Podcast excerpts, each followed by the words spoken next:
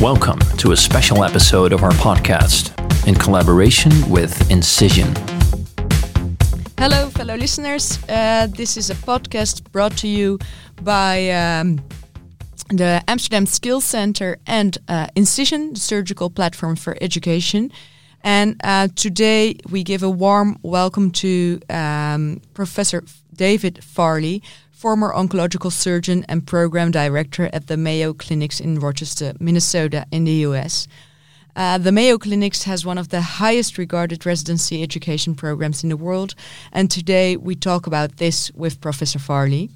The initiative comes from Incision Company, as been said, from the Netherlands, and a leading player in surgical education worldwide. So, a warm welcome to you, Professor Farley. We are very happy to have you in our show. Thank you. I'm happy to be here. Uh, so this is actually the second time we do the recording. Our first try was several months ago when Minnesota was struck by a blizzard, uh, and you had to drive to, uh, to the nearest gas station for Wi-Fi to do the interview uh, via telephone. But uh, we hope now everything is set up with proper equipment, uh, so nothing can go wrong now. Um, Professor Farley, we, we hope. Can you tell us, um, please, a little bit about your background. Uh, where did you uh, grow up and where were you trained? Sure. Um, I was born in Wisconsin and uh, grew up with a dad who was a football coach and a mom that was a teacher. I always loved education and uh, had an uncle that was a general surgeon. I went to school in Wisconsin, medical school there, and then I went to do my general surgery training at the Mayo Clinic in Rochester, Minnesota, where I spent five years, an additional year uh, in research. And then I spent six months in Mannheim, Germany, doing some general surgery, some endocrine surgery, and some surgical education training. And then I came back to Mayo and spent 30 some years there teaching and training um, young surgeons. So it's it's been a wonderful career for me, and there's uh, 500 plus general surgeons out there with my stamp on them. Hopefully, they're doing a good job today because I'm not operating today. How did you end up in uh, Germany? Why why Germany? Uh, the Mayo Clinic has an interesting practice. If you train there and get hired on there, they like you to go someplace else. So you're not just a clone of everyone else. And uh, I spoke a little bit of German, and uh, the Mayo Clinic had some connections with Professor Michael Trede, a legendary pancreas surgeon there in Mannheim. And I spent six months there, and it was a wonderful opportunity for me and my family. And what do you think about uh, international rotations in, in general? Is it is it useful or is it a waste of money? I know that uh, in our uh, here in Holland, some people think differently about it, and that not everyone thinks it's uh, useful for your training. Yeah, well, it's a it's a loaded question because, like so many questions, the answer is it depends. If it's a if it's a great opportunity and you're um, well managed and there's people there that are looking out for you and care about you as a young trainee, um, it's going to be phenomenal. Professor Trede was a wonderful uh, mentor, and the the breadth and diversity that uh, exists on this planet, for you to capture just a little bit of that anytime you can, is phenomenal. We have numerous surgical trainees at Mayo that, in their five years at the Mayo Clinic, which has wonderful training and complex surgery, would tell me at the end of their five years, Dr. Farley, it was great, but the three weeks I spent in Ghana or South Africa or Cuba or whatever was the best part of my training. And I was a little bit disappointed by that, but not really. I really like to have people get a breadth and diversity of experiences. But there are times when people are in harm's way, they're in danger. And I know there's been people that have been traumatized by some of this. So it has to be well thought out and planned. But I think it's a wonderful chance to go worldwide if you can get the opportunity. And yeah, looking back on your career, to what extent, because uh, do you see that uh, it is the resident or you as a surgeon that makes that career, or that you were just lucky to go to Mayo and don't go to Germany and to what is the balance between those? Well, I think you know so much of it is inner drive that we have that um, each and every one of us is um, you know, talented in certain respects and we have certain interests and certain passions. And I think as much as possible, if you can follow those passions, that's great. But you know, if I come to the Mayo Clinic to train, it's different than if I went to Amsterdam or if it's went to a, a small town in northern Minnesota, and I would have turned out differently. There's no question about that. And uh, you know, we have this match in the United States where every March you, you the medical students decide to where they're going to go. And I remember ranking 23 programs, and I put Mayo Clinic very near the top.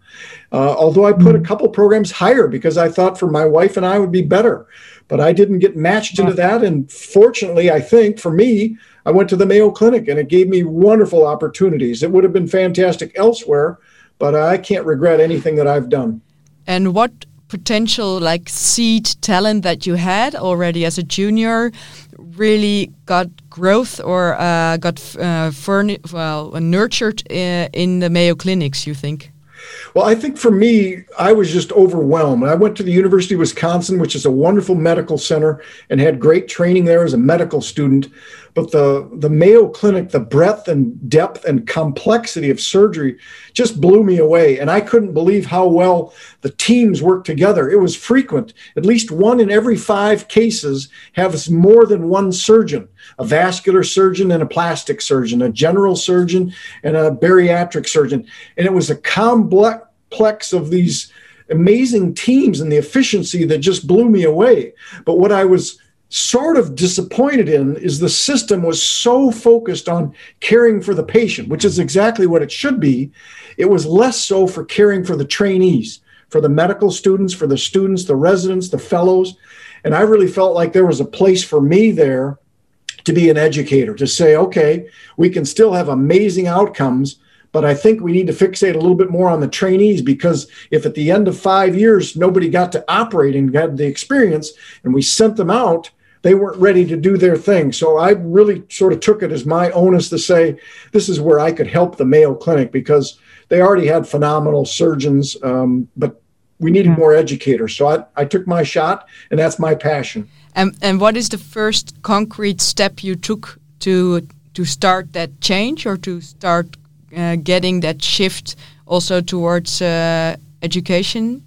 Well, I think it started initially as a as a surgical resident and a trainee, and speaking with my program directors and staff to say, it's awesome that I can watch you do some of these things, but is it possible for for me to start doing that? And I realize I shouldn't start out with sewing the vascular anastomosis inside someone's brain, um, but you know, sewing skin and fascia, and we make progress and steps. And I think it's a you know we need to have comfort. Our our preceptorship program was a wonderful opportunity working with one single surgeon for six weeks or 12 weeks or three months. And they gained confidence over time, and you got to do more as you got better.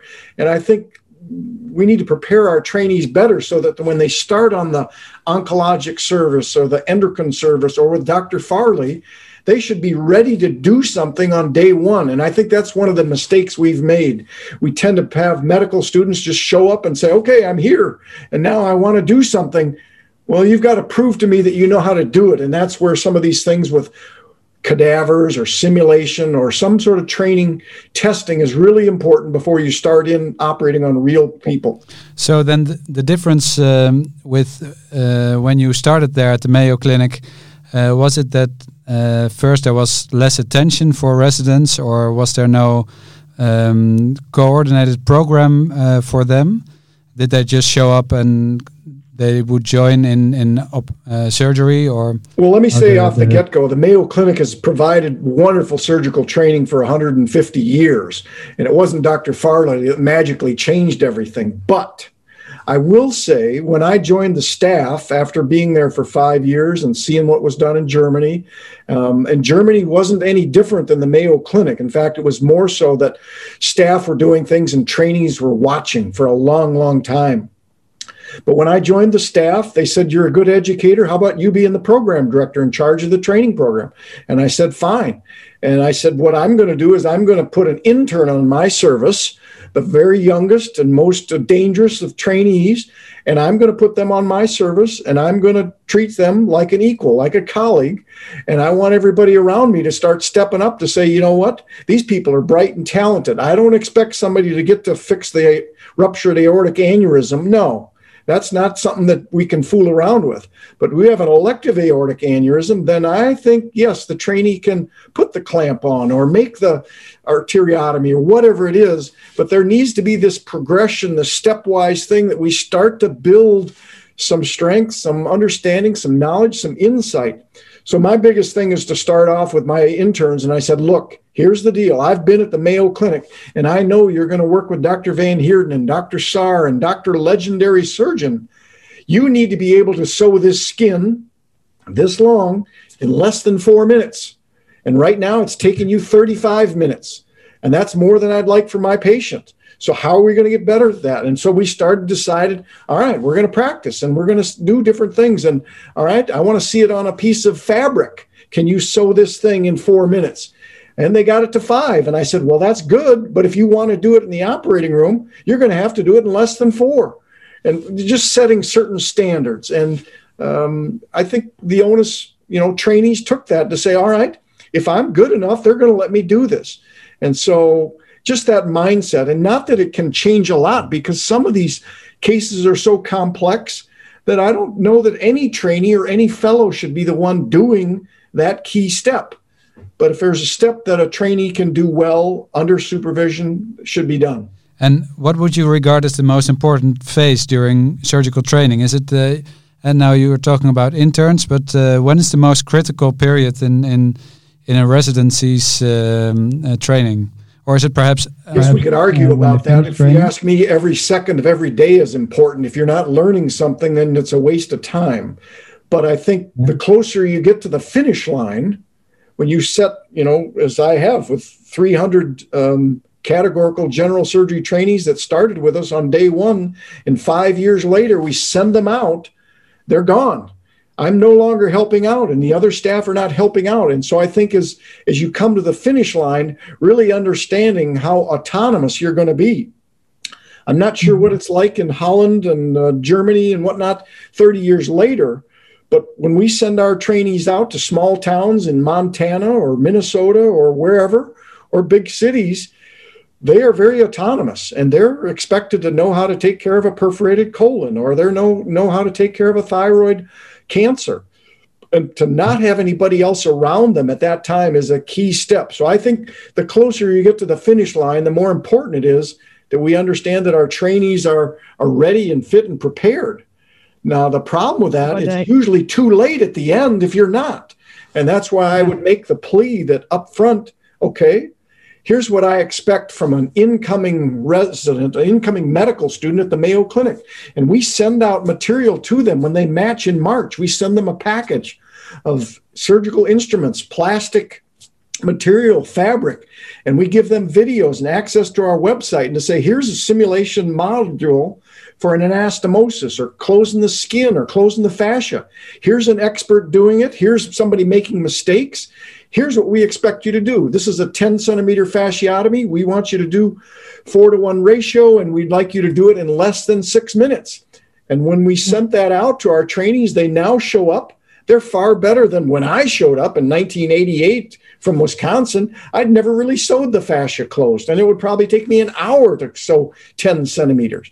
Now our people are better trained, and I think we ought to have goals for and objectives for each year and each rotation and see that our trainees are meeting those. Is that also a way you select uh, residents? Uh, you send them uh, like is that uh, also part of an exam, um, part of a selection process? It is. It is. You're very perceptive. Um, after a while, I started to realize why don't we send them before they come and interview with us? And uh, in fact, this year, the the team that's doing that, I'm no longer part of that because of COVID, never brought any trainees into the Mayo Clinic. It was all done on Zoom, the interviews. But the analysis and assessment of how people could sew and cut and read a chest x ray or interpret a blood gas was all done on Zoom. So it was part of a, an analysis.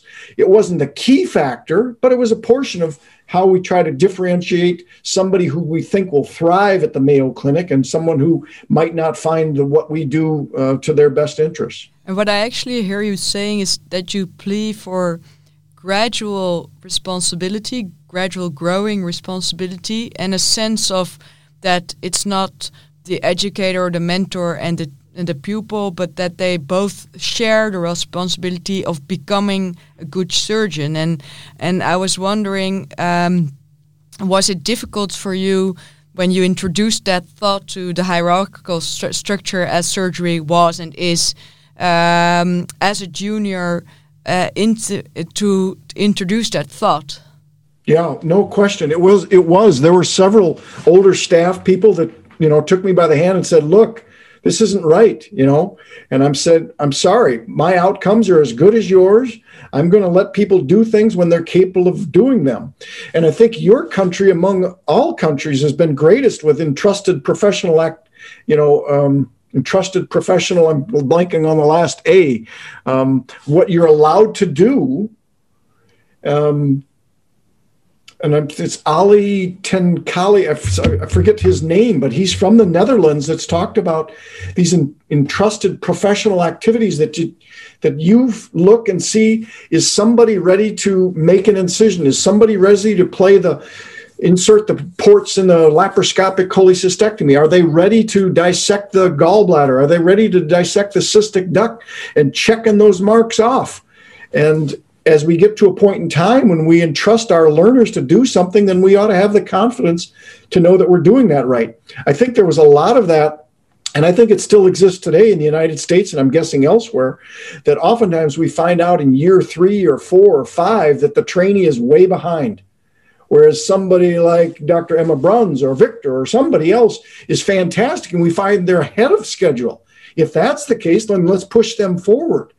The problem with that becomes a real logistical one. When you bring in 10 trainees that are all going to be general surgeons, you expect this five year opportunity. If some are faster and some are slower, then that screws up the whole program because which trainees get to move around to the next rotation if you haven't met your criteria. But that's a, a talk for another day and it's a complex mm-hmm. problem.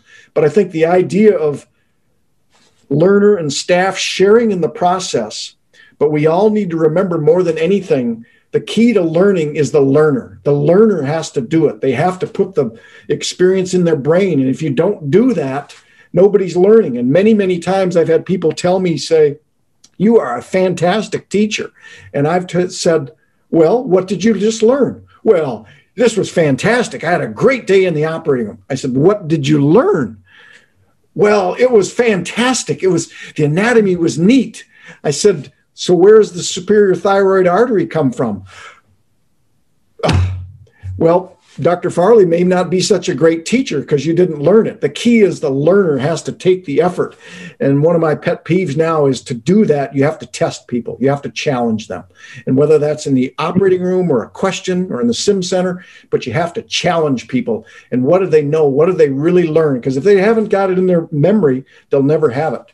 And in the, the large amount of uh, of residents that you have trained, have you ever been uh, surprised, or have you seen different learning patterns in people that just need to be challenged, or uh, residents that need to be a bit uh, turned down, or do you choose different approach? Yeah, absolutely. It's a great question, Emma, and I, I think we really have to be more sensitive to how people do learn. Having said that, some people say, well, I'm an audio learner, or I'm a visual learner, or I'm a spatial learner.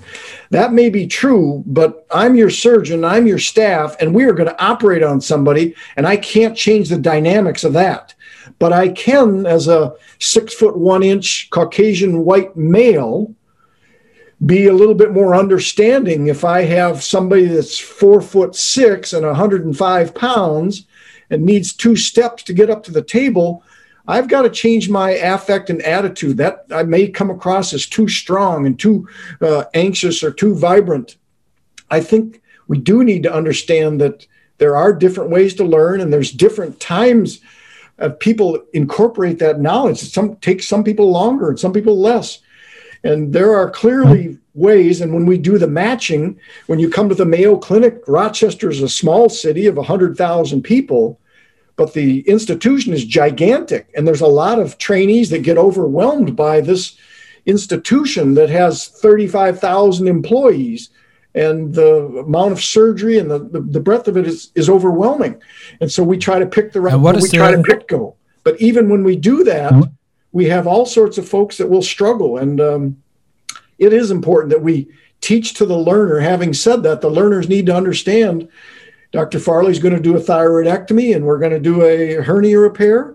And that's the subject matter. And that learner needs to come to that operating room or clinic room or emergency room as prepared as they can be. And we ought to set them up for success if we can so that we try to make them prepared for that experience. And what is the role of uh, feedback um, in this in, in the the learning process. And what is the most effective way to give feedback? Would you say uh, uh, that is negative feedback or positive feedback? Great question. I mean uh, anders ericsson passed away last year who's arguably one of the greatest educators ever and a uh, key researcher on how you become masterful as a golfer, as a surgeon, as a airline pilot, as a violinist. And he basically says the three keys to being masterful are a driven person who wants to get better, getting feedback, lots of feedback, and then taking that and using deliberate practice to get better. So, in answer to your question, what's the best feedback?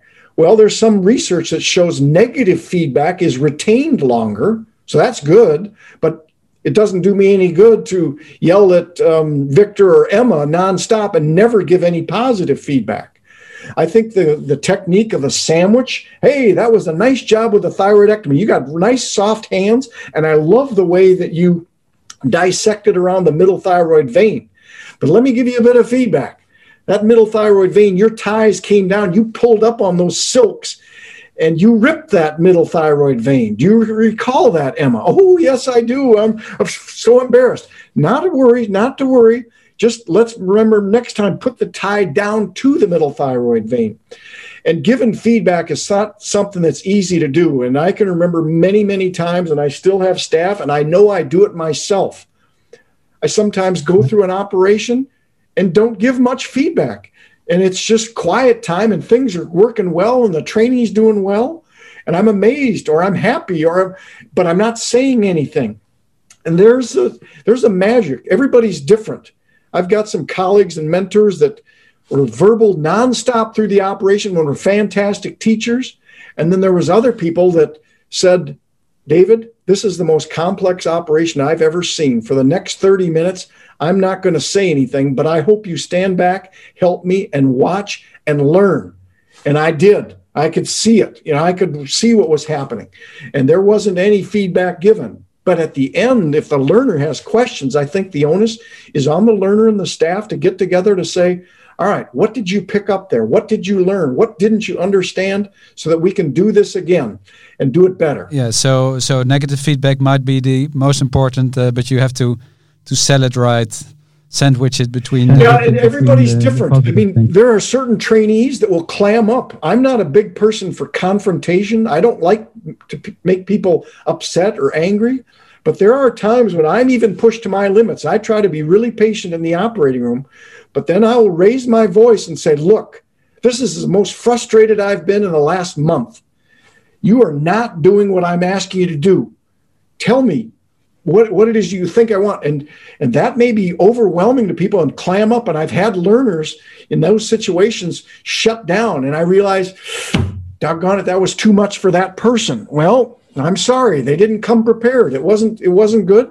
And it was negative feedback. And I've seen some people the next day show up and they are strong and revved up and all right. I've got a different learner today. I've also had some people come in and say, Dr. Farley, I don't know if surgery's right for me maybe I should be a pathologist. And it's like, whoa, is that really what we want? Uh, let's go to the sim center and let's practice this. And you can do this. And well, you made it sound like I was never going to be any good at it. Well, I'm sorry I made it sound that way, but I was really frustrated because I told you three times and you made a mistake on all three. So it's a give and take, no, no question about it. And if you look at the training, um, of course, surgery is a matter of uh, head and hands and heart sometimes, like uh, emotional stuff. Um, how do you uh, uh train? Because sometimes you see them struggling a bit with the with the head, or sometimes with the hands, or and then of course the hands can be developed in the sim center. But but how do you train the the heart and the head uh, to say? Well, I think everybody's heart, you're sort of born and you're nurtured by age five that you're compassionate, you're kind, you're arrogant, you're cocky, or you have your own way. And uh, I don't know that I can change people's heart very much. But the head, the cognition, the thinking, um, we have morbidity, mortality conferences where people step up to the forefront and we made a mistake, or this patient died, or this anastomosis leaked. I think it's really important in those settings to say, okay, we're not yelling at you, we're not critiquing you, but the outcome is terrible and we have to find a better way to make the outcome better. And so we're going to ask how big were the bites on the ileum and how big was it on the jejunum and what sort of suture did you use? Was it running? Was it interrupted? Was it stapled? And to go through those scenarios where a young trainee maybe initially is in the room listening and looking at the CAT scan and looking at the speakers and is maybe overwhelmed with the discussion, it's over their head but as that years of training become to the forefront, then they get to stand up in front on the stage and say, all right, we had a, a trauma accident and the patient was hypotensive and tachycardic and we started IVs and we gave blood and we did, and the patient died. And maybe there was no way of saving that. But I think the onus is on the experts in the room and the learner themselves to push hard to say, could we have done something different? Could we have somehow used you know more plasma or more platelets or packed red blood cells three minutes earlier? Would that have changed? And i think that insight and intrigue and people always seeking to be better lifelong learners. Some of my favorite mentors are still lifelong learners that they go to a surgical conference and they participate more than the young learners do. They're still actively engaged. And i think people need to have that uh, drive to say, doggone it, I'm going to be better and I'm going to understand the eight segments of the liver better. Um, I think that's just important. Um, and, and teaching people is a matter of repetition. And more than anything, I think it's challenging and quizzing and testing. And that can be done by a staff person, but it can also be done by you folks when you go home at night or you're in the shower doing your hair, shampooing all right, I'm going to dictate a thyroidectomy while I shampoo my hair. Can I do it from skin to skin? Or what are the, you know, seven branches of the external carotid? Doing those sorts of things will put that in the long term memory and get more comfortable. And ultimately, that leads to an insightful person, an insightful surgeon. The greatest compliment I can give anyone is you're very insightful because it basically means you know what's going to happen next and you know the problems you're going to have next. And for a surgeon, that is really critical, whether you're talking to a patient or in the operating room, to know what's likely going to happen next. What do I need to be careful of? What do I need to explain? Where do I need to take my time? Where can I speed up? And people with insight can do that. And uh, does competition improve uh, performance, you think? Well, I think I think yes. I think surgeons as a whole typically are, tend to be a little bit more competitive. They want to do their best. Um, I think the competitions that we've held in in Rochester, the Surgical Olympics and what we call our Surgical X Games, twice a year we have our trainees participate. We don't give out the scores um, to everybody so that everybody knows whose each other's score is. But we do have a list of PGY fourth year residents. There's 10 of you, and here were the scores. In each section, this is where you stand. And so there's 16 tests, and they're each worth 10 points. So 160 is perfect. Nobody gets close to a perfect score. I wouldn't get close to a perfect score, and many of the trainees would score higher than I do. Those are but the, the idea Olympics. is to give out. Excuse me. Those are the surgical Olympics uh, you're talking about? The surgical Olympics are for our surgical interns, the 30 surgical trainees that are starting out in their first year. We test them on day one when they show up, and we test them in January. It's the Winter Olympics in January and the Summer Olympics in uh, July. And um, yeah. we let everybody know the total scores and their own individual scores, and they can see how they rank. And it's interesting to see people try to improve if they're on the bottom, people on the top. Some try to improve even more to extend their lead. Um, it's fascinating what drives some people, but I think competition in a, in a modified dose is, is is a reasonable thing. I don't think it should be something that um, scares people or makes people nervous or they're going to be fired. But I think we can set a standard that everybody can reach. And so far as I know, in my 12 years of doing these Olympics and the surgical X Games for the senior level residents, we've never fired anybody, and everybody's always made the standard. Some people have taken a lot of time to get there and a lot of practice to get there but I think that's important. I think you know you need to get to a certain level of standard before you rotate and you're going to do a carotid endarterectomy. My goodness, you that person needs to know what they're doing. They need to be soft and supple, and they need to know how to close that arteriotomy or the venotomy or whatever it is. And the staff, I think, needs to realize they're capable of doing that. And um, if they're not, we need to realize that too, because ultimately, the patient is the one that deserves an ex- excellent surgical team. And I think an ex- excellent surgical team becomes when you got an excellent staff person and an excellent trainee. And quite honestly, the trainees make me better as a staff person to do a better job. Yeah, we, we would like to hear a bit more about the Surgical Olympics uh, because I think that's uh, an important thing that you've introduced in the in the Mayo Clinic. Uh, but first, um, um, what you told about um, um, uh, the the competition, and is it can we de demand perfection from residents? Is that something that we can uh, expect from them, or does it cause performance stress or burnout? Well, we can't expect perfection. Never going to get perfection, um, but we can expect a certain standard, and we can expect people to um, do their best and try to keep improving and get better. And I think the only way that you can really find out if you're getting better is you have to test people. Now, I can talk to Emma or Victor or whomever I'm talking to, but if I never test you, if I never challenge you, how do I know that you know what you're talking about? And this is a simple little thing, and it's the same thing. I think it's important for the learner to understand hey, I don't know this and I need to study this. So that's in benefit of testing. And then the staff person benefits. And then the two people can work on all right, so how are we going to get better at it? How are we going to make this work better? So the surgical limit. Go ahead. Sorry go to ahead. interrupt you. Um, we'll sort of go to the last part of the interview where we would like to uh, talk about the uh, Surgical Olympics, a short explanation, and then uh, uh what is that about, and then we'll finish off gradually. Sure. Well, the, the surgical Olympics, from my standpoint, I started it uh, 12, 13, 14 years ago to find out just how well people were trained when they came in. We had many international trainees that came to our program that had already done surgical training. And it was obvious on day one that some of them were very skilled. There was others that weren't.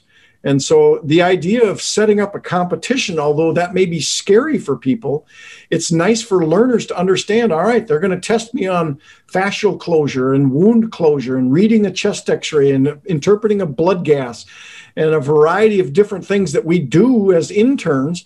I think that was important for learners to understand that. And we started to project that to them before they showed up.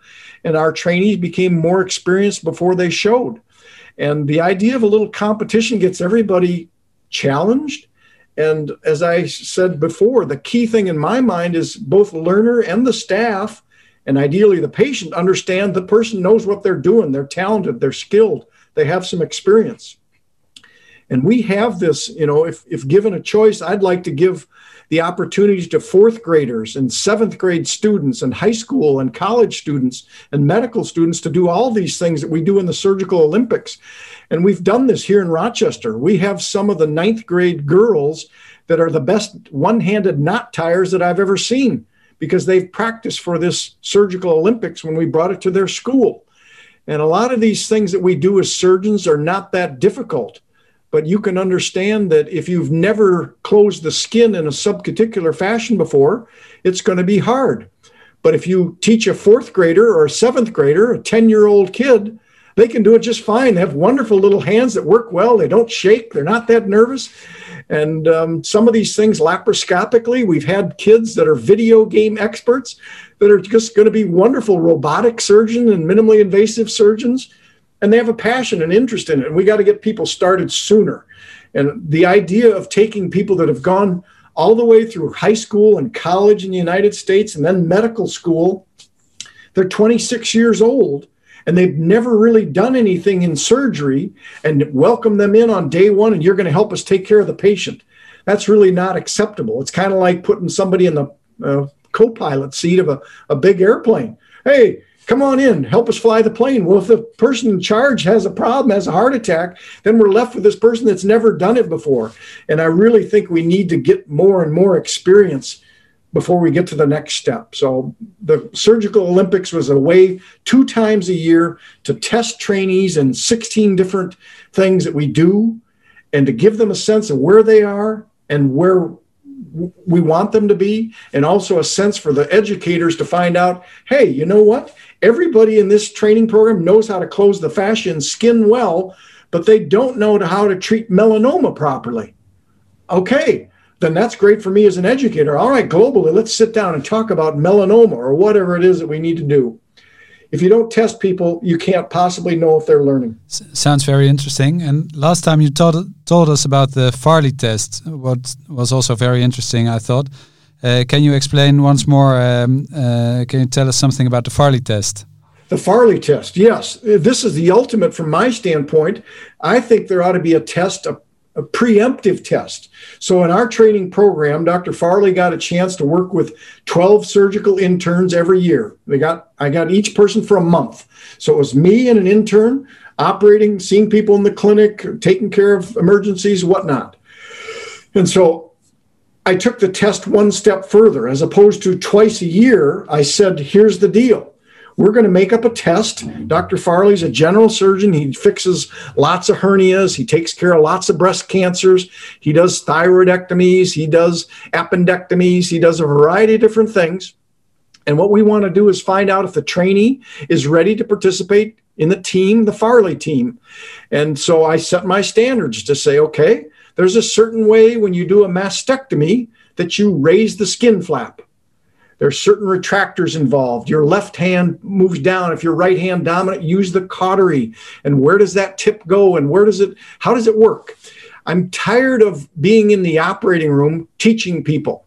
I think that's a mistake. I think they need to be taught beforehand some level of expertise so that they understand ah, that breast flap on the mastectomy is going to be about a centimeter thickness and it's going to be making a line just above the breast tissue. And how do you find that line? And how do you create tension and counter tension or traction and counter traction?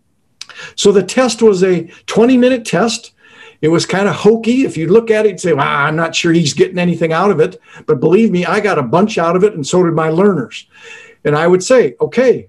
And if I was working with Victor or Emma, I would say, here's the model. And you'd look at it and say, oh, it's a breast model. It's already got an incision and there's some retractors and there's some cautery and you're not going to do it because cautery would burn the fiber but i want you in 60 seconds to tell me how are you going to create traction counter traction? What is your goal and how do you know that the flap is too thin or too thick? Ready? Go. And the first time the learners are i i, I don't know. Um, and I said, Well, that's something you're going to need to learn because I don't want to have to teach you that in the operating room. I will correct you in the operating room and I will go further, but I need to know that you already know how to create traction with the Murphy rakes and your non dominant hand putting counter traction. I need you to know that you're going to go parallel to the skin, but a centimeter away and just above whatever. And so there was basically six little tests in 20 minutes to find out whether you could do a get started with a laparoscopic inguinal hernia repair. Um, basically, moving the mesh around and where you would tack it and how you could do it safely. Some some skills on reading a CT scan or a chest X-ray, a variety of things that I did in my practice. More importantly, mostly they were in the operating room because I wanted people to come in to feel relatively comfortable that they could do it, and I wanted to be relatively comfortable that they could do it because there are many times I've said, All right, can you close up the skin? And people want to be brave. And yes, Dr. Farley, I can do it. And they're a third year medical school. Yep. I said, Have you done it many times? Uh, yes. And I can tell they're lying, but okay. So I watched. And after three minutes, and then we haven't tied the first knot and put in a stitch yet, I say, You've never really done this before, have you? No, I haven't. And I'm really frustrated. Well, that was a mistake for me to have that learner doing that, and a mistake for that person to give me that feedback, and the mistake of the whole system. Every system's perfectly designed to get the results that you get. And I'm looking for a system that people are a little bit more experienced. So the Farley test was a test where they needed to score at least 90% on a 20 minute test. And most everybody didn't score 90% on the first time. And this was before they started my rotation. And I said, That's okay. You're not working with me for six months. You've got six months to get better. Take the test again. And I let them take the test as many times as they wanted.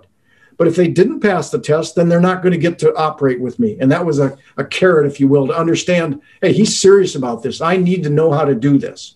And uh, it was quite useful. I didn't do it until the last year and a half of my career. I wish I'd have started 30 years ago. It's really, really inspiring, and also I think a great way from the whole interview to uh, like show that you've got a vision, how to implement that vision, and also also to get the result where you get what you said, really driven um, residents that require feedback, and that because of that deliberative method, that they really that you create better doctors and better care. So that's great. And to finish up, maybe is there something that you would uh, want to advise uh, junior residents or surgical residents in the Netherlands, or anyone who is listening to this podcast, uh, to uh, to sum it up? Well, um, you know, you've been very kind, and I need to say first and foremost, it doesn't always work, and we tried, and I've made more mistakes than anybody on the planet. But I think the idea is to be a lifelong learner. And I think anybody out there listening that says, I want to be a surgeon or I want to be a physician or doggone it, I want to be a cellist or a violinist, it's going to take a lot of effort. It's going to take a lot of practice. It's going to take a lot of repetitions. And understand that, you know, the virtue lies in the struggle, not in the prize. I didn't make that up. I don't know who said it, but that's absolutely true. The virtue lies in the struggle and uh, not in the rewards at the end. And so making that effort. Um, an author here in the United States, uh, Dweck, I think is the last name, um, Angela, talks about effort.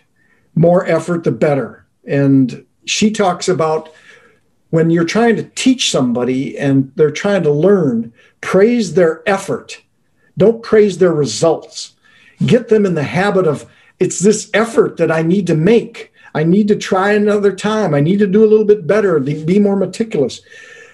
But young learners need to understand you're not going to learn something as I thought when I first came into surgery. I thought at the end of five years, I'm going to know it all. I don't have to do anything else. I'm going to have a wonderful 30 years. And then on day one of my staff uh, position, I realized, hey, I'm going to have to keep learning. And because there wasn't any laparoscopic or any robotic surgery when I started, and things change.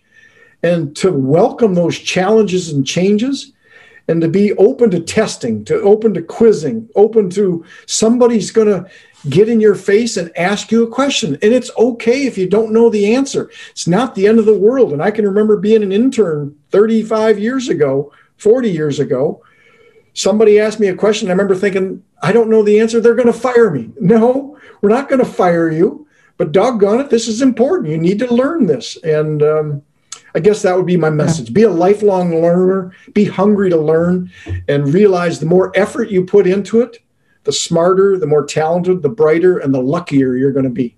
Wow. That's really good uh, to end with. I think uh, we would like to thank Incision and the Amsterdam Skills Lab for uh, facilitate, facilitating this uh, podcast, and of course you, uh, Dr. Professor Farley. It was great to have you for a second time, and uh, maybe I hope after this whole COVID thing passes on, and we'll maybe meet each other on a real conference, or maybe one day in the Mayo clinics or in Amsterdam. You're always welcome. Um, and um, well, take care, stay healthy, and stay safe. And um, thank you. Thank you. It was a pleasure. Happy to come back anytime and look forward to meeting all you folks in person someday.